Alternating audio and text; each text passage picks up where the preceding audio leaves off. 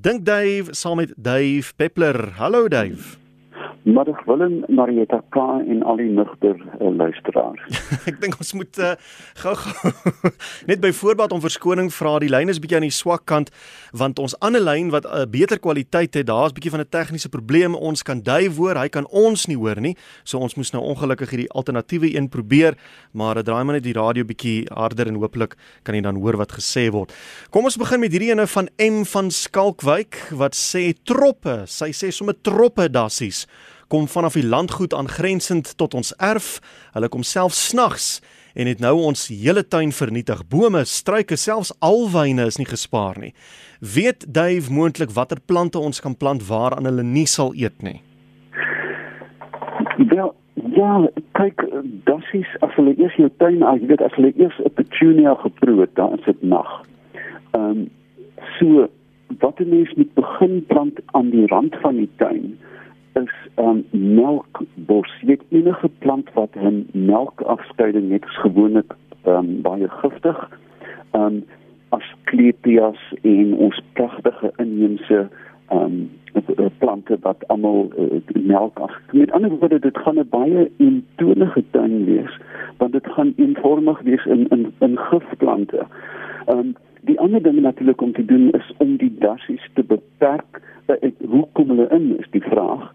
En dan is die antwoord indien dit oor 'n muur is om 'n enkel geelektrifiseerde draad en ek praat nou nie van 'n kragpropde draad na buite nie maar, maar jy weet 'n ding wat beeste uit bykante hou. 'n klein eenheid wat wat beskok en dan hierdie draad op so 5 tot 7 8 cm net 'n enkel draad bo op die muur en dan kan hulle nie oorklim nie hulle hulle gaan op hulle nat neuse geskok word en dit gaan die einde van die storie wees Petrus van Ceres vra waarom sal 'n hoender sy eie eiers opeet? Haar eie eiers seker. Daar's dalk twee antwoorde. Die een is dat die hoender neuroties is. nou mens weet nie eintlik dat iets kan verkeerd gaan in so 'n klein koppie nie. Maar ehm um, jy weet ek dink die hoenders speel skaak nie. Hulle is nie bekend dat hulle baie slim is nie. Wag nou gaan die aanvalle kom. Ek het 'n slim hoender ek hoor dit al. Maar um een dat die hoender nie roties is dat 'n enkel hoender is wat geen ander kontak met uh, met medehoenders het nie. Die tweede moontlike probleem is dat die hoender werklik 'n wesenlike dieet tekort veral dan aan kalsium het. So ek dink die eerste ding om te doen is om die hoender se voeding ordentlik aan te pas sodat dit volledig is en dan as jy nou aanhou kry 'n maand. Nie 'n haan nie wat dag in die bure kla. Mm. Goed. En Fritz in Pretoria, hy sê verskillende voëlspesies uit die aard van die aard van die saak maak verskillende geluide, maar kan hulle mekaar verstaan? Hulle verstaan ja, duidelik. Dis nie dat hulle die direkte boodskap kan verstaan nie. Kyk, As jy kyk na gevorderde voelgemeenskappe wat 'n mens kry in groenwoude en ook in reënwoude, dan is kenmerkend van die tipe woud nie die enkele voel nie, maar die gemeenskap waarin hy leef. Met ander woorde, jy gaan nie noodwendig saadetende duwe kry saam met papegaaie en suikerbekkies nie. Ek het baie werk gedoen in die reënwoude van Afrika waar ek letterlik die die die woud kon verstaan deur net te luister na wat bo my aangaan. Gevolglik um, is daar 'n aantal universele roepe wat voels almal verstaan en dit is gewoonlik gevaarroepe. Jy weet wat gebeur as daar slang in die bome is, al die tiptolle en die muisvoëls drom saam en maak 'n helse geluid en die hele voëlgemeenskap luister. Ehm um, so met die eerste universele uh, kommunikasie tussen voëls is gevaargeluide. Hulle weet as ander voëls gevaar sien. En dan ook luister hulle na die genoegdoening van van welvoeding.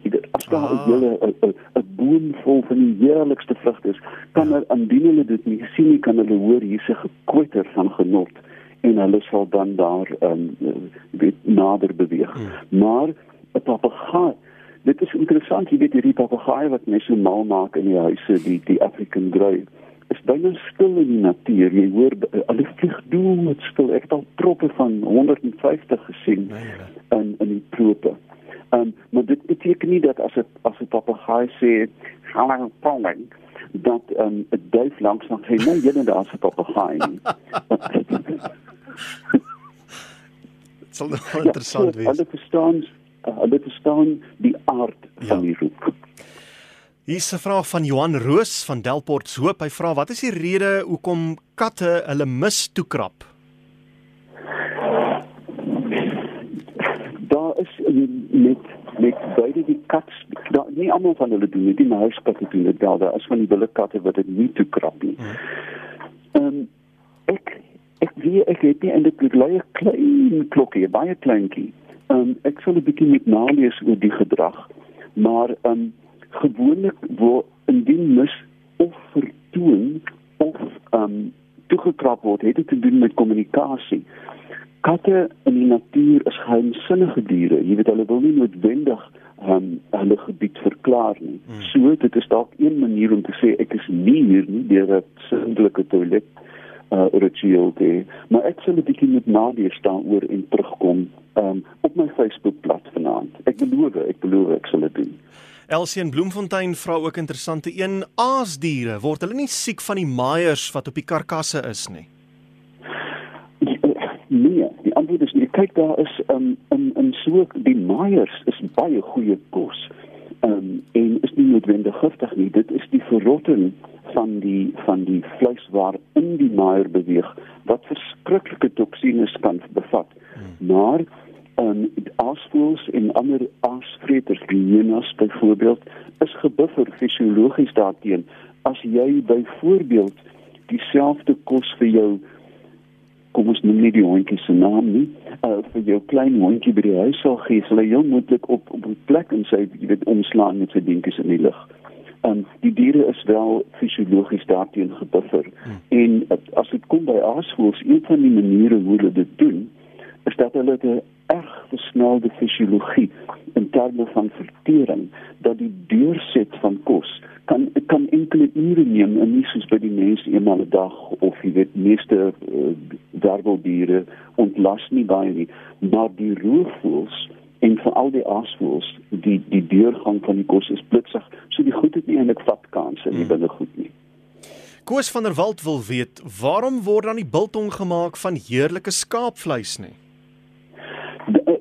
ek sê vir jou nou presies sê wat hy moet doen. Hy moet hy moet uh, as hy weer kan rooi toe gaan ry uh, wat is die dorpie net voor Kanaal Wolliston mm -hmm. ry Wolliston toe. Daar is 'n koöperatief ek het daar gestop op pad terug van Urania moenie vra nie. Um, en ek het koffie gedrink en ek vra toe vir die dame by die koffiewinkel is hier 'n biltongplek? En sy half dis vir my dat ek nie weet nie. Ruk haar laai op en gee sy het proe hier en dan praat sy weer met my. Ek het dit uh, verslind en toe wys hy oor die pad daar is 'n koöperatief wat die wonderlikste skaapboor skaapbiltou maak. Dit kan gedoen word. Hoekom is dit nie so algemeen nie dink jy? Wel kyk skaapvleis is prima vleis. Dis baie baie duur. Hmm. maar as jy ek het nou dag het, het 'n vriendin vir jaar en ek gaan toe na die slag en sê gee my 'n skaapboutjie vir vuur dit het gelyk na die die die bout van 'n uitgehongerde kalkoen en dit het 600 rand gekos. Jy weet ons kom nie twee maal van die ding eet nie. Dis duur ja. vleis. En ek dink as jy dan dink aan die verlies aan aan aan vog, dan gaan jy met 'n ontsaglike duur produk sit en dis net koste. Chris en Kimberley wat 'n baie aktuelle vraag vra. Duwe, weet nie of jy gehoor het nie, maar vroeër in die nuus het ons gehoor van uh, hoenders in China wat uit Brasilië uitkom waar hulle nou die koronavirus opgespoor het op hierdie bevrore hoenders. En Chris wat vra, hierdie koronavirus sal uh, hy vrek as mens daai hoender dan gaar maak. Meeste meeste organismes op aarde kan letterlik nie enige temperatuur verduur bo 100 grade. Met ander woorde, kyk, water is die betalende eienskap van lewe reg deur die heelal. As daar water is, is daar kans vir lewe. En daaraan gekoppel is die kookpunt van water normaalweg by by seevlak. En meeste organismes kan dit nie verduur nie behalwe daar is 'n klein groepie van verstommende ehm um, jy gelukkig was om ooit te gegaan het na die die wonderbaarlike groot parke van Amerika, Yellowstone, by hmm. name, dan sien jy van hierdie geel en groen en oranje swamme wat in kookwater groei. Maar dit is natuurlik hoekom die mediese uh, wetenskap in die ou dae die autoclave gehad het waar waar die instrumente letterlik gekook is voor dit gebruik is. Ah. So die kanse vir hierdie virus om om 'n gekookte hoender te oorleef is nul. Hier vra uh, iemand van Oos-London, wat is die verskil tussen Celsius en Fahrenheit? Wanneer word watter een gebruik? En dan kry mens nog Kelvin ook tussenin. O, oh, goed ja. Kyk Kelvin, nou dit dis nie my veld nie, maar Kelvin ehm um, het te maak met absolute temperatuur. Met ander woorde, uh eh, 0 grade Kelvin waar alle atomiese aktiwiteit hmm. stop. Ek dink dit is iets soos minus 273 grade Celsius of so iets. Einste, einste. Nou Fahrenheit um lê natuurlik uh voor die deur van die Engelse die Europeërs het nog altyd die die metrieke eenheid um, uh aanvaar. En dit is interessant as jy na na net noord van Uppsala in Swede gaan, is die huis van Linnaeus, die naamgewer van alle lewe op. En as jy op Linnaeus se stoep staan, dan sien jy Celsius se huis oor kan die vallei. Oh. Hy was 'n Sweed. Oh. En het die metrieke eenheid ehm um, ontwerp so sit ons dan vandag nou nog met myle, duime, voete waar die hele wêreld um akkuraat fisies en, en chemies akkuraat werk met die matriek en so dis 'n oorblyfsel ja. letterlik. Ja, wie as die Amerikaners is baie die vervaardigheid. Amerikaners hou niks van die uh matrieke stelsel nie. En en ek weet sekere sekere dele van Engeland ook, hulle gaan nog miles per gallon en die tipe van ding. O ja, kyk daar's Engelse seemyle, daar's Engelse landmyle, ja. daar's uh, myle daar is die die Sweedse myl is 14 km lank. Dit is 'n verwarrende ding en hoe gouer ons na die matrieke eenheid oorgaan, dan kan ons in wetenskap saampraat. Ek meen die die Britse gallon en die Amerikaanse gallon stem nie eens ooreen nie. Daar's ook 'n verskil. Einste. Jy weet die liter is universeel. Ja. Uh die sentimeter, jy weet al die al die metrieke eenhede is jy weet waarvan jy praat. Hmm. Maar as jy met 'n Amerikaner praat en jy sê are you talking American miles or English miles? Ja, nee, hulle word baie kwaad as jy kom met jou uh, metrieke stelsel daarso.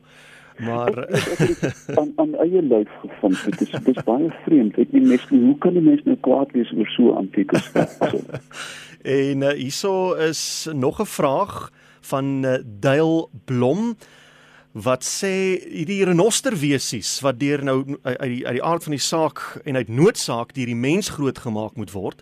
As hulle nou vrygelaat word terug in die natuur, hoe pas hulle nou weer aan? Hulle gaan mos nou nie vlug vir die stroopers nie.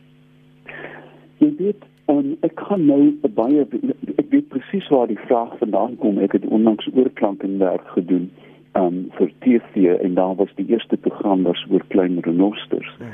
En um hulle word geïmprinteer. Met ander woorde, hulle aanvaar jou natuurlik as 'n renoster. Dis hoekom hulle jou mors dood speel. Jy weet, um, 'n um, groot leeu wat ons groot gemaak het, klap jou van jou voete af en hy dink hy's besig om jou te liefkoes of liefkoes. Um so, die die die antwoord op die vraag is dat indien jy so 'n diertjie groot maak dat jy so gou as moontlik die dier in kontak moet bring met volwasse en ongeaffekteerde renosters of enige ander dier. Die die die groot wetenskaplike vraag bly dit dubbelpunt en ek ek, ek sê dit bloot neutraal dat is dit die moeite werd om enige dier te rehabiliteer en as jy dink in terme van tyd en koste. Ek weet dit is 'n adel ding om te doen. Maar die geld uh, en die koste aan aan rehabilitasie is onsaglik hoog. Hmm. En daar is baie wetenskaplikes wat sê ons kan hierdie geld gebruik liefs om mense op te voed as om een dier groot te maak wat nooit weer normaal gaan gaan reageer nie. Hy gaan normaal lewe, maar sy reaksie teenoor sy kon spesifieke met ander woorde sy sy eie soort en die mens is in 'n groot mate belemmer. Hmm. Nou ja, Dave, ja. dit is aan ja. alwaar vir ons tyd het. Weereens baie dankie. Mense kan jou volg op Facebook. Hulle kan daar gaan kyk na die die gebrabbel van 'n ou man. so, as dan Dave Peppler uh met Dink Dave Donra 20 voor 5